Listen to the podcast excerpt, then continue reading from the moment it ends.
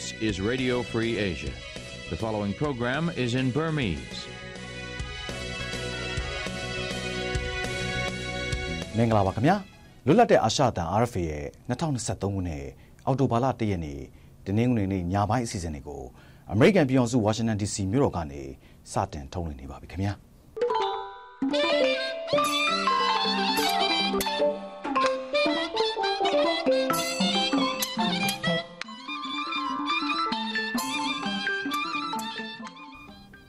ကျွန်တော်ကရဲစီသူကပါဒီကနေ့ညအစီအစဉ်မှာတပရင်ကလေးနဲ့စလင်းကြီးမှာစစ်တပ်ကြောင့်လူနှစ်တောင်းနီးပါးထွက်ပြေးနေရတဲ့အကြောင်းသတင်းဆောင်မနဲ့အတူဟာဟာပါပဲအစီအစဉ်ဒီတစ်ပတ်မှာပြောချင်စရာ RFA podcast အစီအစဉ်တွေကိုထုတ်လွှင့်ပေးဖို့ပြင်ဆင်ထားပါတယ်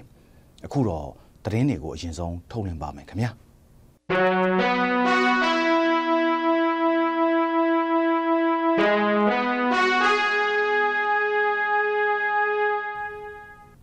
စစ်တပ်အာဏာသိမ်းပြီးတဲ့နောက်နိုင်ငံတော်ဝန်မှာစစ်ကောင်စီတပ်နဲ့လက်အောက်ခံအဖွဲ့အစည်းတွေကလူ1400ကျော်ကိုတပ်ဖြတ်တယ်လို့နိုင်ငံရေးအကျဉ်းသားများကူညီဆောင်ရှောက်ရေးအသင်း AAPP ကဒီကနေ့သတင်းထုတ်ပြန်ပါတယ်။အကျဉ်းထောင်စစ်ကြောရေးစစ်တမ်းလျာဒါမှမဟုတ်ပြင်ပထိမ့်သိမ့်တဲ့နေရာတွေမှာလက်ထိတ်ဒါမှမဟုတ်ကျိုးနဲ့ချုံနှောင်တပ်ဖြတ်ခံရတယ်လို့ဆိုပါတယ်။စကိုင်းတိုင်းမှာအများဆုံးတပ်ဖြတ်ခံခဲ့ရပြီး900ကျော်သေဆုံးတယ်လို့ AAPP ကဖော်ပြပါတယ်။ အခုလိုဖမ်းဆီးတပ်ဖြတ်ခံရသူတွေအပါအဝင် နိုင်ငံတော်မှာဒီနေ့စက်တင်ဘာလ30ရက်နေ့အထိ4132ဦးသေဆုံးခဲ့ရတယ်လို့ရေးသားထားပါတယ်။အဲဒီထဲမှာကလေးငယ်466ဦးနဲ့အမျိုးသမီး673ဦးသေဆုံးခဲ့ရတယ်လို့ဆိုပါတယ်။စစ်ကောင်စီရုံးဆိုင်တဲ့နေပြည်တော်ကောင်စီနယ်မြေနဲ့တိုင်းနယ်ပြည်နယ်14ခုမှာအရက်သားတွေသေဆုံးရပြီးစစ်အာဏာသိမ်းမှုကိုစန့်ကျင်တဲ့အတွက်နိုင်ငံတော်မှာလူ19000ကျော်ဖမ်းဆီးခံထားရတယ်လို့ AAPP စင်ရဲမှာဖော်ပြထားပါတယ်ခင်ဗျာ။ကချင်ပြည်နယ်မိုးမောက်မြို့နယ်မှာစစ်ကောင်စီတပ်နဲ့ကချင်လွတ်မြောက်ရေးတပ်မတော် KIA တို့မနေ့ကတိုက်ပွဲဖြစ်ပွားခဲ့ပါတယ်။အလောဘွန်တောင်ကုန်းအနီးကရှထုံတောင်မှာစခန်းချထားတဲ့စစ်ကောင်စီတပ်တွေဟာနွမ်းလန်းရွာနဲ့ထူတန်ရန်ရွာအကြားဆင်းလာချိန်မှာ KIA ကတိုက်ခိုက်ခဲ့တာပါ။အဲ့ဒီတိုက်ပွဲတွေအတွင်းမှာစစ်ကောင်စီတပ်က3ဦးသေဆုံးပြီး4ဦးကိုအရှင်ဖမ်းမိခဲ့တယ်လို့ KIA သတင်းရင်းမြစ်တူကပြောပါတယ်။ KIA သတင်းနဲ့ပြန်ကြားရေးတာဝန်ခံဗိုလ်မှူးကြီးနော်ဘူးကလည်းတိုက်ပွဲဖြစ်ပွားတာနဲ့စစ်ကောင်စီတပ်သားတွေကိုဖမ်းဆီးမိတယ်ဆိုတာအတီးပြုတ်နိုင်ပေမဲ့အသေးစိတ်ကိုတော့မသိရသေးဘူးလို့ပြောပါတယ်။ဒါပေမဲ့ဖမ်းဆီးရမိတဲ့စစ်ကောင်စီတပ်သား၄ဦးထဲကတဦးဟာတိုက်ပွဲအတွင်းမှာရရှိတဲ့ဒဏ်ရာကြောင့်သေဆုံးသွားတယ်လို့ကနေဦးသတင်းတွေရသိရတယ်လို့သူကပြောပါတယ်။စစ်ကောင်စီချင်းမြန်တရင်ခမရ438ကို KIA တပ်မဟာ9တရင်25ကတိုက်ခတ်ခဲ့တာလို့ KIA သတင်းရင်းမြစ်တူကပြောပါတယ်။ နှစ်ဖက်တိကျသေဆုံးတာတွေနဲ့ပတ်သက်လို့ RFA ကသီးခြားအတိမပြုတ်နိုင်သေးပါဘူး။ဒီတိုက်ပွဲနဲ့ပတ်သက်လို့ကချင်ပြည်နယ်စစ်ကောင်စီပြောရေးဆိုခွင့်ရှိသူဦးဝင်းရဲထွန်းကလည်းစစ်ရေးကိစ္စတွေကိုသူမသိဘူးလို့ပြောပါတယ်။စစ်ကောင်စီတပ်ကဒီနှစ်ဇူလိုင်လ23ရက်နေ့ကစပြီး KIA ဌာနချုပ်တပ်မဟာ9နယ်မြေကိုထိုးစစ်ဆင်နေတာကြောင့်တိုက်ပွဲတွေမကြာခဏဖြစ်ပွားနေပါတယ်ခင်ဗျာ။မကွေးတိုင်းရေစကြိုမြို့နယ်မှာစစ်ကောင်စီတပ်ကလက်နက်ကြီးနဲ့ပစ်ခတ်လို့ မနေ့ကနဲ့ဒီကနေ့မှာလူ2ဦးသေဆုံးပြီး2ဦးဒဏ်ရာရရှိခဲ့တယ်လို့ဒေသခံတွေကပြောပါတယ်။ချင်းတွင်းမြစ်ထက်ကစစ်သမောတွေဘော်ကနေဒီနေ့မွန်လွယ်တနာရီဝန်းကျင်မှာလက်နက်ကြီးနဲ့ပစ်ခတ်ခဲ့တာကြောင့်ချင်းရရွာကပြည်သူ့အုပ်ချုပ်ရေးအဖွဲ့ဝင်တဦးသေဆုံးပြီးပြည်သူ့လုံခြုံရေးအဖွဲ့ဝင်တဦးဒဏ်ရာရရှိခဲ့ပါတယ်။မနေ့ကလည်းတထေးကုန်းရွာကကောက်ဆိုင်နေတဲ့ဒေသခံအမျိုးသမီး2ဦးနားကိုလက်နက်ကြီးကြီးကြားရောက်ပောက်ကွဲခဲ့လို့အမျိုးသမီးတဦးသေဆုံးပြီးတဦးဒဏ်ရာရရှိခဲ့တယ်လို့ဒေသခံတွေကပြောပါတယ်။ ဒီအကြောင်းကိုမကွေးတိုင်းစစ်ကောင်စီပြောခွင့်ရတိုင်းတွင်ရေးမှူးဦးတန်းဆိုရင်ကို RFA ကဖုန်းနဲ့ဆက်သွယ်ခဲ့ပေမဲ့အကြောင်းမပြန်ပါဘူးခင်ဗျာဒီမိုကရေစီရေးလှုပ်ရှားမှုကိုစစ်ကောင်စီကဖြိုခွဲတဲ့အတွက်ခမန်းချီနေရက်ရွှေ့ပြောင်းရသူနှစ်တန်းကိုကူညီထောက်ပံ့ပေးဖို့ဂျပန်ရောက်မြန်မာအင်အားစုတွေကတူချိုမြို့မှာရန်ပုံငွေရှာဖွေပွဲကျင်းပကြတယ်လို့ဂျပန်ပြည်တွင်းသတင်းဌာနတွေကဒီကနေ့ဖော်ပြပါတယ်တိုကျိုဖက်ဒရယ်ဖက်စတီဗယ်မှာမနေ့ကကျင်းပတဲ့ရန်မုံငွေပွဲမှာ မြန်မာတိုင်းရင်းသားတွေကရိုးရာဂီတအကတွေနဲ့ဖျော်ဖြေကြပြီးတော့တိုင်းရင်းသားရိုးရာအစားအသောက်တွေလက်မှုအထည်တွေရောင်းချကြပါတယ်ခင်ဗျာ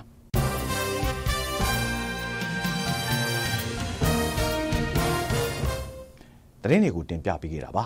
လွတ်လပ်တဲ့အာရှတန် RFA ကဆက်လက်ထုတ်လွှင့်ပေးနေပါတယ်။စကိုင်းတိုင်းတပရင်မြို့နယ်ကလေးမြို့နယ်နဲ့စလင်းကြီးမြို့နယ်တွေမှာစက်တင်ဘာလ30ရက်နေ့ကစလို့စစ်ကောင်စီတပ်တွေကစစ်ကြောင်းလဲထိုးလေကြောင်းကလည်းတိုက်ခိုက်တဲ့အပြင် လက်နက်ကြီးနဲ့ပါပစ်ခတ်တဲ့အတွက်အရက်သား2000နီးပါးထွက်ပြေးနေရတယ်လို့ဒေသခံတွေကပြောပါတယ်ဒီသတင်းကိုကျွန်တော်တင်ပြပေးပါမယ်ခင်ဗျာစကိုင်းတိုင်းတပင်းကလေးနဲ့ဇလင်းကြီးမြို့နယ်တွေမှာစက်တင်ဘာလ30ကနေအောက်တိုဘာလ1ရက်နေ့အထိ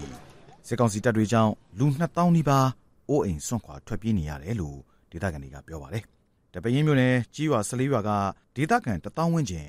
စလင်းကြီးမြို့နယ်ကြီးရွာ10ရွာခန့်ကဒေသခံ1000နီးပါးနဲ့ ကလေးမြို့နယ်ကြီးရွာ3ရွာကဒေသခံ1000ဝန်းကျင်ထွက်ပြေးခဲ့ရတာပါ။အင်အားတရာနီးပါးရှိတဲ့စစ်ကောင်စီစစ်ကြောင်းဟာတပင်းမြို့နယ်ဘော်ကနေဆင်းလာပြီးမြို့အနောက်ဘက်ချမ်းရွာတွေကိုစက်တင်ဘာလ30ရက်နေ့ကစစ်ကြောင်းထုတ်ခဲ့ပါတယ်။အဲဒီနောက်လက်တီးရွာကလူတယောက်ကိုတပ်ဖြတ်ခဲ့တယ်လို့တပင်းဒေသခံတဦးကပြောပါတယ်။လက်ရှိနောက်ဆက်တွဲအချိန်တွေတော့သူတို့ကပြင်းတာရပြန်ကြတာပေါ့ဗျာအဲ့ဒီမှာပဲငြိမ်နေပြီးတယ်အဲ့ဒီရောင်မှာရှိနေပြီးတယ်ဗောနော် လက်ခံရတဲ့ဟာကတော့သူတို့ဒီမလေးကစီကောင်းထုတ်ဝင်ရောက်လာပြီးတော့လက်ပြီးရွာကပြည်သူတယောက်ကိုသူတို့ခေါင်းဖြတ်တက်ထားတဲ့တပ်ပေါ်ဒီတွေ့ရတယ်လို့သိရတယ်ဗျအဲ့ဒါတော့ဟိုဒီပြုလို့ရပါတယ်နောက်တစ်ခုအပြည်သူနှစ်ယောက်ကိုသူတို့တရားကန်နေနဲ့ဖမ်းသွားတယ်ပေါ့ဗျအဲ့ဒီသူတို့နှစ်ယောက်ရဲ့နောက်ဆက်တွဲချိန်ပြီးတော့မသိရသေးဘူးအရင်နေ့တိုင်းပြည်သူတွေလက်တော်လောကတိဆောင်ရတဲ့ချိန်ပြီးတော့သူတို့ဆက်ပြီးတော့ဥတီနိုင်တယ်ဆိုလို့ရှိရင်တော့အဲ့ဥတီနဲ့ရွာတွေကဆက်ပြီးအောင်ပါဘူးလားဒါအပြင်မဲသေးရွာရင်းတွေလက်တီနဘဲလာနှော်ကုံခွန်တောင်ပကံဝဘာ အင်တန်တောချောင်းတပြေးသာငိမ့်ချံအောင်ချမ်းသာနဲ့မှန်သာရွာတွေကဒေသခံတထောင်နီးပါးအော်တိုဘာလတရက်နေ့အထိနေရဲစွန့်ခွာထွက်ပြေးနေရတယ်လို့သူကဆက်ပြောပါတယ်။အဲဒီစစ်ကြောင်းနဲ့ဒေသကာကွယ်တပ်ဖွဲ့တွေပြန်ကြရွာနီးမှာတိုက်ပွဲဖြစ်ပွားခဲ့ပြီးစစ်ကောင်စီဘက်ကရုရှားနိုင်ငံထုတ် MI35 တိုက်ရဟတ်ရင်နဲ့ပစ်ခတ်ခဲ့တယ်လို့သူကပြောပါတယ်။အထီးခိုင်းတဲ့သေဆုံးမှုစည်းရင်းကိုတော့မသိရသေးဘူးလို့ဆိုပါတယ်။ချင်းနေမြို့ဘေးမှာရှိတဲ့စလင်းကြီးမြို့နယ်မှာလည်း စစ်ကောင်စီရဲ့စစ်သမောတစည်းနဲ့ကုန်တင်သမောရှစ်စီးကအနီးနားကျွာတွေကိုစက်တင်ဘာလ30ရက်နေ့ကလက်နက်ကြီးနဲ့ပစ်ခတ်ခဲ့ပါတယ်။အဲ့လိုပစ်ခတ်ခဲ့တာကြောင့်ကြီးရွာဆယ်ရွာကလူတထောင်နီးပါးထွက်ပြေးတင်းရှောင်ခဲ့ရတယ်လို့ဒေသခံတူကပြောပါတယ်။ဒီကနရဘေးရွာတွေပေါ့။ဒီမှာတော့ဒီလက်နက်ကြီးရန်ထုတ်တယ်။ကမန်းကြီးဆယ်ရွာကြော်လောက်ပေါ့။အဲပြီးတော့သူထုတဲ့လက်နက်ကြီးတွေကနေတို့ကြည့်ရတယ်ပြီးတော့အခြားမနီးတဲ့ရွာတွေသူကရောက်တယ် စစ်ကြောင်းအရကကျွန်တော်တို့ကလာရင်တော့အကုန်ရှောင်ရတာပဲဗျ။ဟုတ်တော့မရှောင်လဲမရှောင်တဲ့လူတက်တာကလူလူတက်တာမှမဟုတ်တာ။သူတို့ကိုတိုက်တာကပြည်သူက။သူတို့ကတက်တာကကျွန်တော်တို့ဒီနေတဲ့ပြည်သူကိုပဲတက်တာ။စစ်ကောင်စီရေရင်တွေကိုဒေသကာကွယ်တပ်ဖွဲ့တွေကလည်းလက်နက်ကြီးနဲ့ပြန်လည်ပစ်ခတ်တိုက်ခိုက်ခဲ့တယ်လို့သူကပြောပါတယ်။စစ်ကောင်စီကဒီရင်တွေကိုအုံပြုပြီးစစ်သည်ရိတ်ခါတစ်နဲ့ကြောက်မြက်တွင်းထွက်တည်ရန်ဇာတာတွေကိုတည်ယူနေတာလို့ဒေသခံတွေကပြောပါတယ်။ စစ်ပေးဒုက္ခသည်တွေကိုအကူအညီပေးနေတဲ့အညာပြတိုင်းတောင်လေးများအဖွဲ့ရဲ့တာဝန်ရှိသူတူကတော့သင်္ဘောတွေထွက်ခွာသွားတဲ့အတွက်မြေကမ်းနဘေးကကြီးရွာတွေကဒေသခံချို့နေရက်ပြန်နေကြတယ်လို့ဆိုပါတယ်။ကလေးမျိုးနယ်မှာလည်းစက်တင်ဘာလ30ရက်နေ့မှာစစ်ကောင်စီတပ်ကလက်နက်ကြီးနဲ့ပစ်ခတ်ခဲ့တာကြောင့်မွန်တာရွာအင်တိုင်းကုန်းရွာစက္ကန့်ရွာတို့ကဒေသခံတထောင်ကျော်ထွက်ပြေးနေရတယ်လို့ဒေသခံတွေကပြောပါတယ်။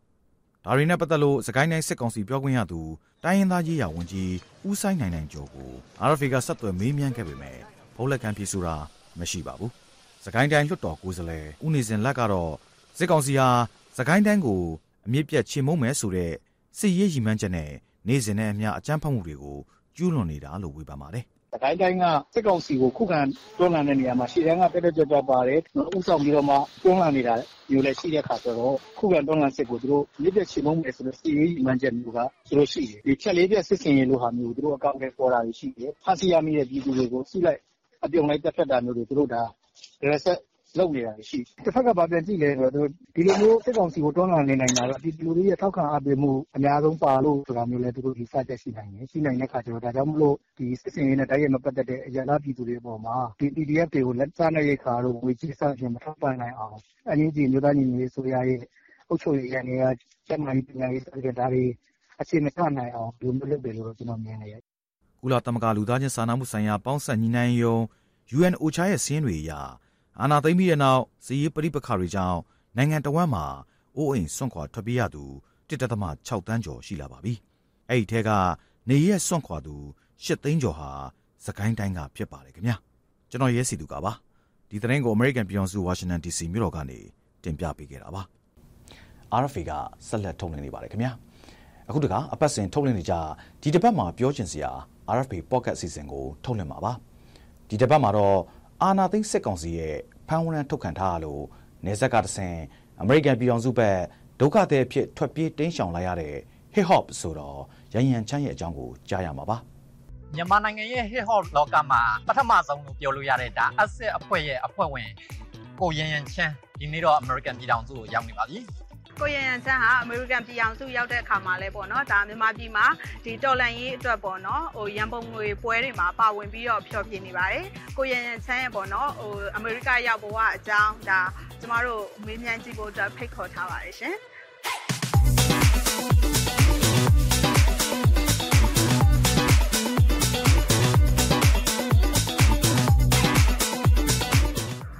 ဒီတစ်ပတ်မှာပြောချင်စရာ RFA podcast အစီအစဉ်ကနေကြိုဆိုပါတယ်ကျွန်တော်ကဆော့ဖို့ပါပါကျမဝေမာထုံးပါရှင်ဟုတ်ကဲ့ကိုရန်ရန်ဟုတ်ပါပါ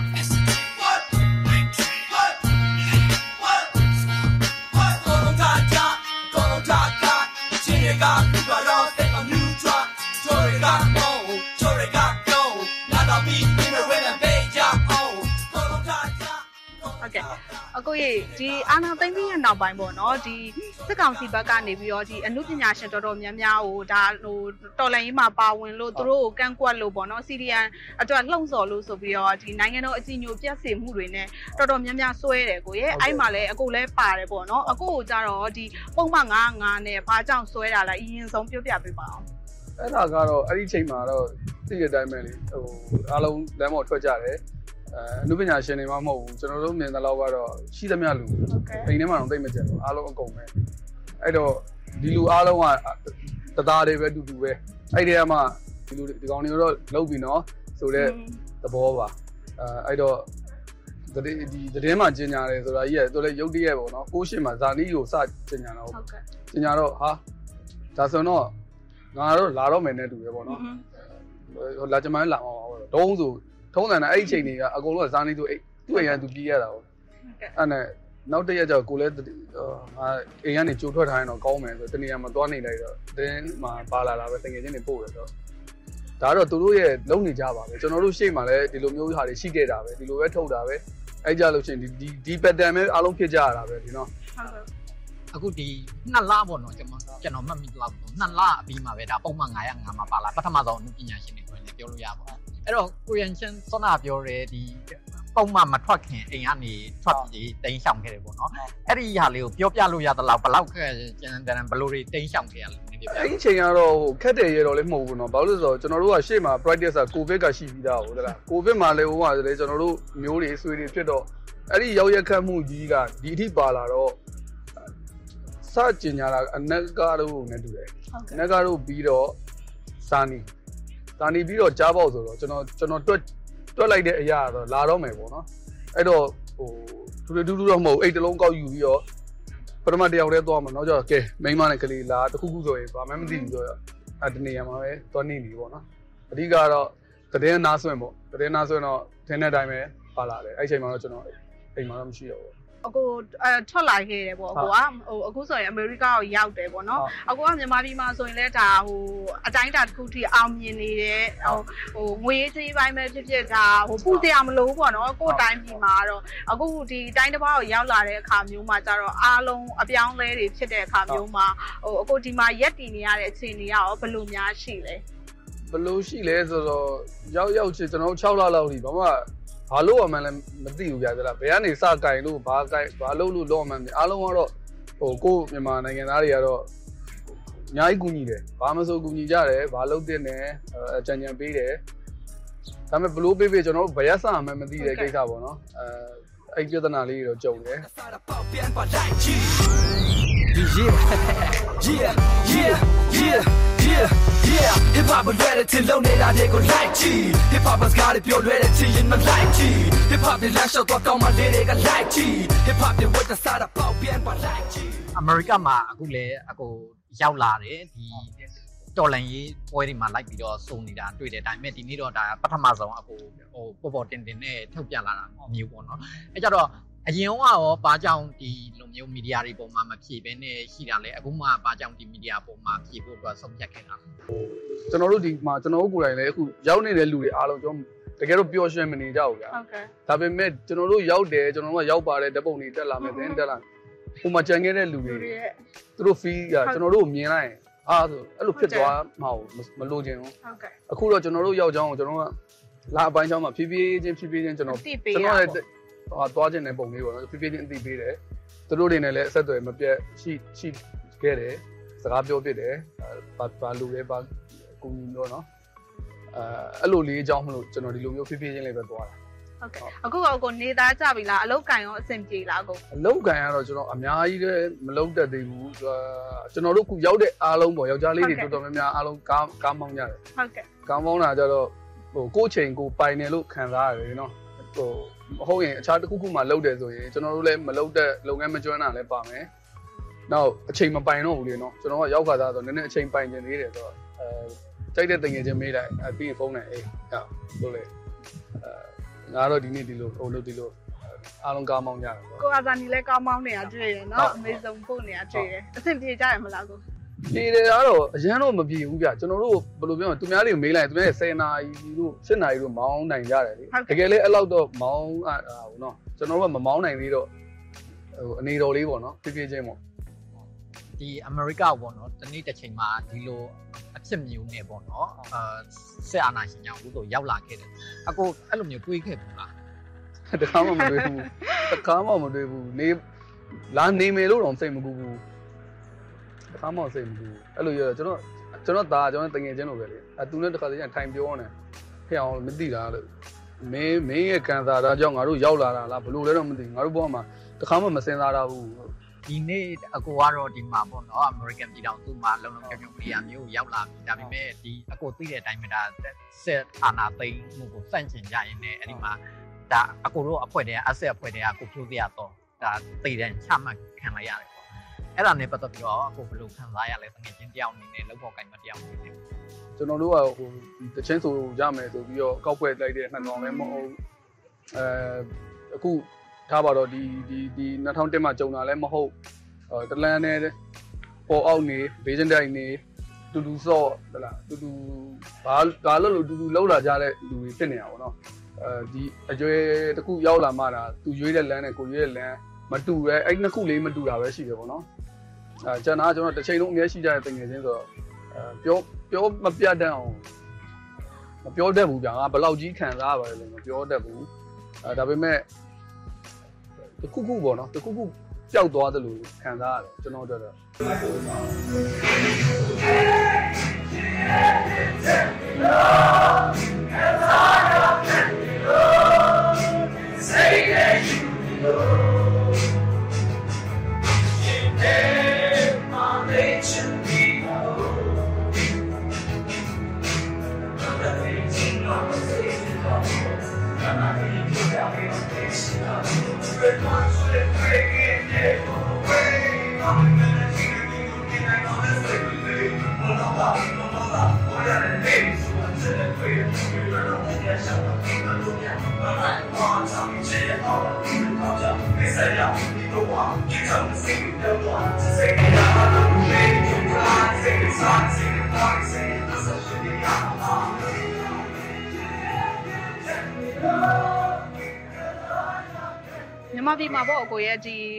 သက်ပေးပြီးတော့တိုက်ပွဲဝင်နေကြတဲ့လူငယ်တွေအတွက်ကိုရောအကိုဘယ်လိုအားပေးစကားပြောချင်လဲကျွန်တော်အဲ့လိုကြီးမပြောချင်ဘူးဗျာဘာလို့လဲဆိုတော့သူတို့ကအားပြက်အားပြက်မနေကြဘူးဟုတ်ကဲ့သူတို့အားရှိနေတယ်နောက်ကျွန်တော်တို့ကဒီကနေပြောစရာမလိုလောက်အောင်သူတို့ပြည့်စုံနေဗျာသိလားကျွန်တော်တို့ကသူတို့ ਨੇ ဟိုသူတို့လောက်မဟုတ်တာတော့မသူတို့ ਨੇ အများအားရှိနေပေးတယ်ဆိုတော့အနေထားလောက်ဆိုရင်လုံလောက်တယ်ကျွန်တော်တို့လမ်းအားပေးရင်ဒါနည်းနည်းလေးဟိုဖြစ်ရကြတယ်ဗျာသိလားအားအားပေးဖို့မလိုဘူး ကိုရင်ချမ်းတို့လိုဒါပြည်သူဘက်ကနေရက်ပြီးတော့ကိုရဲ့ဒီနာမည်ကြီးမှုတွေအရာအလုံးကိုစွန့်လွတ်ပြီးတော့ဒါပြည်ပကိုထွက်လာတဲ့လူတွေရှိတယ်တောထဲရောက်သွားတဲ့အမှုပညာရှင်တွေလည်းရှိကြတယ်ဆိုတော့ဒီတစ်ချိန်တည်းမှာပဲဒါစစ်တပ်နဲ့ပေါင်းတဲ့အမှုပညာရှင်တွေလည်းရှိနေတယ်တခြားအမှုပညာရှင်တွေလည်းရှိတယ်ပေါ့အဲ့တော့ဒီတော်လန်ကြီးမှာအမှုပညာရှင်တွေအခန်းကဏ္ဍဘယ်လိုလဲဘယ်ဘက်ကရက်အဲ့ဒါကတော့ဗျာဘယ်လိုပြောရမလဲဟို ကျွန်တော်တို့ဒီဒီရဲ့ရှေ့ဆုံးကိုကျွန်တော်တို့သွားရမှာပေါ့နော်အဲဖေဖော်ဝါရီတရက်နေ့ကိုပြန်သွားကြည့်လိုက်ပေါ့နော်အဲ့ဒီတော့ကလမ်းပေါ်မှာမြင်ရတာအဲ့ဒါအမှန်ပဲကျွန်တော်တကူပေါ့နော်လမ်းပေါ်မှာမြင်ရတာအမှန်ပဲနောက်ပြီးတဲ့အချိန်ကတော့အချိန်ကကုစားသွားတာအချိန်ကကုစားသွားတဲ့အတွက်ကြောင့်ကျွန်တော်တို့တွေရောက်သွားတဲ့နေရာတွေပေါ်မူတည်ပြီးတော့လူရဲ့သဘောတဘာဝအရာသူ့ဘာသူစင်ကဲပြောင်းလဲသွားတယ်အဲ့တော့ကျွန်တော်က မရဘူးမင်းတို့အဲ့တော့မရအောင်မင်းတို့အဲ့လိုရှိနေတယ်အဲ့ဒါတော့ဒီဘက်ကိုရက်တည်ရမယ်လို့ကျွန်တော်ပြောမဲ့အစားကျွန်တော်အဲ့လိုပဲနားလည်လိုက်တယ်ကျွန်တော်တို့ February မှာထွက်ခဲ့တဲ့အဲ့ဒါအဲ့ဒါအမှန်ပဲအခုဒီမှာပေါ့နော်ဟိုဒီတော်လန်ရေးအတွက်ပေါ့နော်အခုဘလို့အခန်းကဏ္ဍတွေကနေပြီးတော့ဒီရောက်လာပြီးနောက်ပိုင်းပါဝင်ဖြစ်နေလဲအခုရဲ့ဒီအမှုပညာအလုပ်တွေကိုရောဒီအမေရိကမှာခြေချပြီးတော့ဆက်ပြီးတော့လှုပ်သွားဖို့ရှိအောင်မလားအဲ့ဒါကလိုပါသေးတယ်ကျွန်တော်ခုနပြောသလိုပေါ့နော်ကျွန်တော်တို့စိတ်ကဟိုဘက်ကိုပဲပြန်ရောက်နေတဲ့ခါကျတော့ ဟိုရဲ့ပုံမှာမူတည်တော့ဟိုမှာကောင်းလာတယ်ဆိုရင်ကျွန်တော်တို့လည်းနည်းနည်းလိုက်ကောင်းလာလိမ့်မယ်ဟိုမှာ okay သွားပြီဆိုကျွန်တော်တို့လည်းလုံးဝ okay သွားလိမ့်မယ်ကျွန်တော်ကတော့အဲ့ဆန်နဲ့ပဲသွားမှာဆိုတော့ကျွန်တော်ဘာမှမတွေးထားဘူးတရက်စာတရက်ပဲတွေးထားတယ်ကျွန်တော်တခုခုဒီမှာရေရှည်ရက်တည်ရမယ်ဆိုလို့ရှိရင်ကျွန်တော်တခုခုလေးဖန်တီးတာပဲဖြစ်ဖြစ်ကျွန်တော်စိတ်ပါတဲ့အရာပဲဖြစ်ကျွန်တော်ပျော်တဲ့ဟာပဲဖြစ်ဖြစ်အဲ့ဒီဘက်ကနေပဲကျွန်တော်သွားခြင်းတယ်အဲ့လိုနည်းနဲ့ပဲကျွန်တော်ပုံမှန်လေးသွားနေခြင်းတယ်ပေါ့နော်ဒါ plan ကြီးကကျွန်တော်လက်ရှိမရှိသေးဘူးအခုတော်လန်ရေးအတွက်ကိုအခုဘာတွေလုပ်နေလဲအခုကတော့ကျွန်တော်တို့ ခုအခုမှမဟုတ်ပါဘူးကျွန်တော်စဟိုဘက်ကနေထွက်မယ်ဆိုတော့ကျွန်တော်တို့တိုင်ပင်ထားကြတယ်ငါတို့ဟိုကိုသွားတာငါတို့တခါမှငါတို့အားလုံးမတွေးထားဘူးဟုတ်တယ်မလားဟုတ်တယ်မတွေးထားဘူးဒါဆိုရင်ငါတို့ဟိုမှာသွားပြီးတော့ခြေချဖို့လဲဟုတ်ချင်မှဟုတ်မယ်ငါတို့လွတ်တဲ့ငါတို့လွတ်သွားတဲ့နေရာကနေတခုခုငါတို့လုတ်ပေးနိုင်နေတာပေါ့နော်ဘာမှမဟုတ်ဘူးဗျာတခုခုလေးပဲပဲအဲ့တို့တစ်ချောင်းရတယ်အဲ့တို့တစ်ချောင်းကျွန်တော်တို့လုတ်ပေးရမယ်ပေါ့နော်အဲအဲ့လိုမျိုးသတ်မှတ်ထားတဲ့အတွက်ကြောင့် အမြဲတမ်းဒီတိုင်းပဲသတ်မှတ်ထားတယ်ကျွန်တော်အာဒါပါတနေရာတနေရာကျွန်တော်ယူပြီးတော့အာငါလုံးမယ်အဲ့ဒါမျိုးတော့မဟုတ်ဘူးဟုတ်ကဲ့ကျွန်တော်တို့နိုင်တာလေးပေါ့နော်ကျွန်တော်တို့ရဲ့တက်နိုင်တဲ့ဥစ္စာလေးနဲ့အခုဆိုကျွန်တော်တယောက်တည်းမနိုင်ရင်တကယ်ချင်းနေနဲ့ပေါင်းပေါင်းကြမယ်ကူကြမယ်အာအဲ့ဒါလေးကိုအခြားဒီလိုမျိုးနယ်ကန်တွေရှိကြမယ်သူတို့တွေနဲ့ပေါင်းပြီးတော့ကျွန်တော်တို့ရွယ်ဆိုမဖြစ်နိုင်ဘူးလေနော်နယ်ကန်တွေနယ်ကန်တွေနဲ့ပူပေါင်းဘာလုပ်ကြမယ်အဲ့လိုတိုင်ပင်ကြပါဘူးအဲ့ဒီတိုင်းကတော့ခုနပြောသလိုပေါ့ တိုင်းပြည်လေးမကောင်းမချင်းတော့ကျွန်တော်တို့အဲ့ထဲကိုနှစ်ထားမယ်ချင်းနဲ့မရှိတော့ဘယ်လဲနေနေဘူးတဲ့ချိန်တွေရှိလို့တိတ်ကောင်းတဲ့ချိန်တွေမှာခုသူရှိကြတယ်ဆိုတာသိတယ်လောကကြီးကိုဖြတ်သန်းငါတို့ရဲ့ body so နေရတဲ့ကြပြီးတဲ့ဖြတ်သန်းပြီးတော့လာရီကိုခါနေလောင်းတဲ့ body swear ပေါ်မှာစားကျွန်တော်တို့ရဲ့ဒီတစ်ပတ်မှာပြောချင်စရာ RFA podcast အစီအစဉ်ကိုဒီ YouTube အာ Facebook နဲ့အာ podcast ဒီမှာဝင်ရောက်နားဆင်နိုင်ပါတယ်ခင်ဗျာ RFA ကိုဆက်သွယ်ခြင်းနဲ့ဆိုရင်12392242118တို့ကိုအချိန်မီအတမက်စိတ်တွေစာတွေပေးပို့နိုင်ပါတယ်ရှင်နောက်တစ်ပတ်မှာပြန်တွေ့ကြမယ်နော်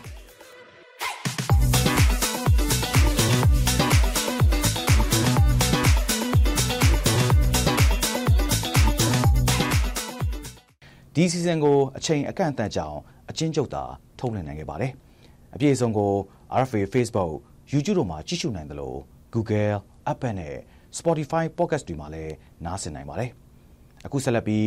နှစ်ပတ်ချိန်ထုတ်လွှင့်နေကြဖြစ်တဲ့မောင်တန်တို့ရဲ့ဟာဟာပါပဲအစီအစဉ်ကိုထုတ်လွှင့်ပေးမှာပါ။ဒီတစ်ပတ်မှာတော့ဒို့ရန်သူဆိုတဲ့ခေါင်းစဉ်နဲ့တင်ပြထားတာနားဆင်ပါခင်ဗျာ။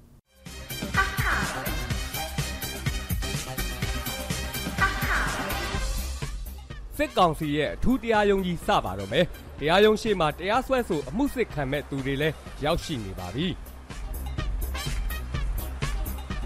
အခုတရားလူကြီးရောက်တာနဲ့စစစ်ပါပြီ။အရင်ဆုံးအမှုစစ်ခံရမဲ့သူကတော့ကုံစုံဆိုင်ပိုင်ရှင်ပါ။သူ့ကိုဘာအမှုနဲ့ဆွဲထားတလဲလို့မေးတဲ့အခါမှာတော့စစ်တပ်ထုတ်ကုန်ဘီယာတင်မရောက်မှုနဲ့ဖမ်းလာတာပါတဲ့။တရားစွဲဆိုခံရတဲ့စတိုးဆိုင်ပိုင်ရှင်ကတရားရုံးဆိုတော့ရှေ့နေခေါ်လို့မြန်ရမလားဆိုမေးတော့တရားရုံးကိုမထီမဲ့မြင်ပြုမှုနဲ့အမှုထပ်တိုးပါတော့တယ်တရားလူကြီးကပြောတယ်မင်းအမေခင်မဟုတ်ဘူးဒါစစ်ခုံရုံးနဲ့ရှေ့နေတွေဘာတွေမသိဘူးနောက်မေးရင်အဘတက်ခေါ်တဲ့ ဒါနဲ့ဘာလို့စစ်တပ်ထုတ်ကုန်ဘီယာမယောင်းတလဲဆိုမေးတော့ဆိုင်ရှင်လဲဘသူမှမဝယ်တော့ဘသူကရောင်းမှလဲလို့ဖြေပါတော့တယ်ဒါဆိုရင်တောက်မဲ့လူမရှိရင်ရှိလာအောင်ရောင်းဖို့ဆိုင်ရှင်မှာတာဝန်ရှိတယ်ဆိုပြီးတော့နိုင်ငံတော်ဘီယာမယောင်းမှုနဲ့ဆိုင်ကိုချိတ်ပိတ်မယ်လုပ်ပါတော့တယ်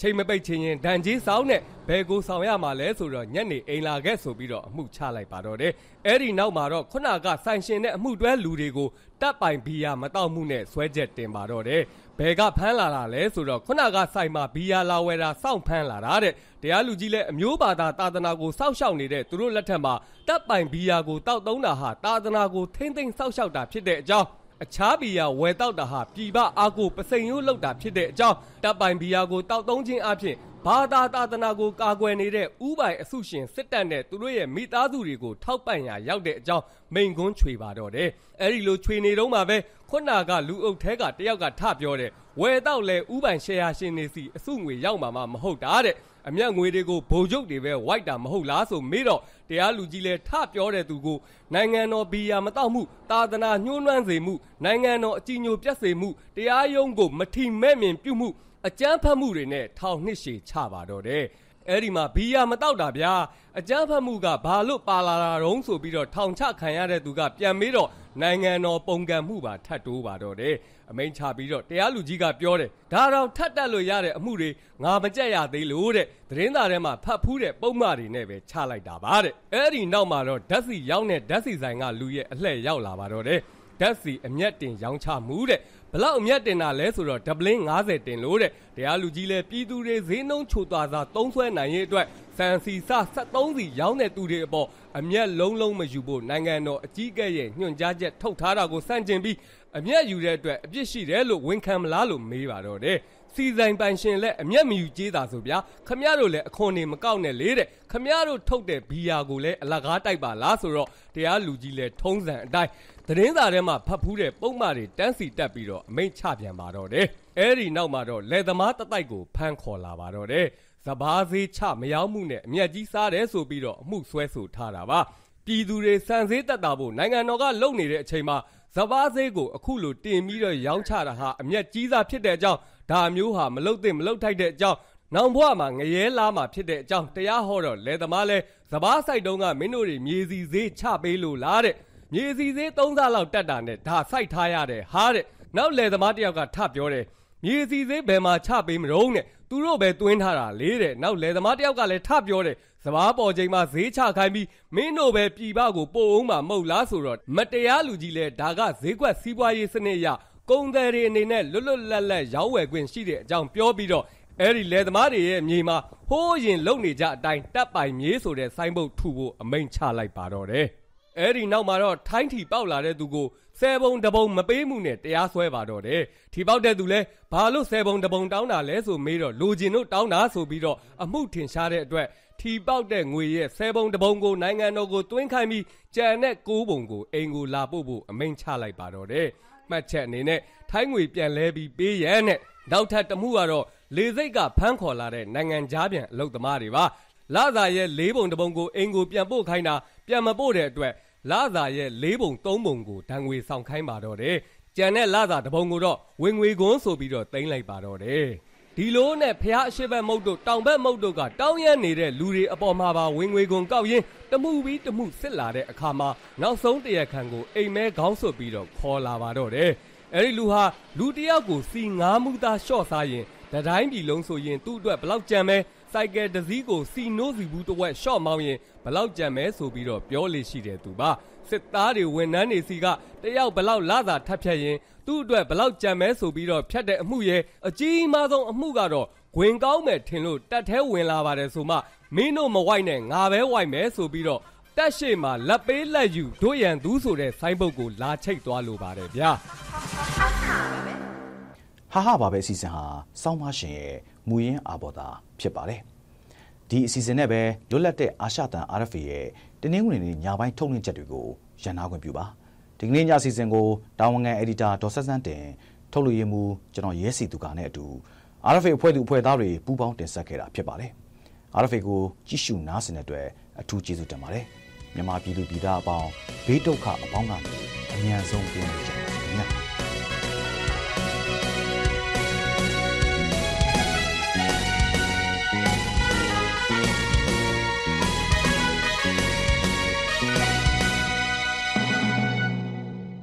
You have been listening to Radio Free Asia.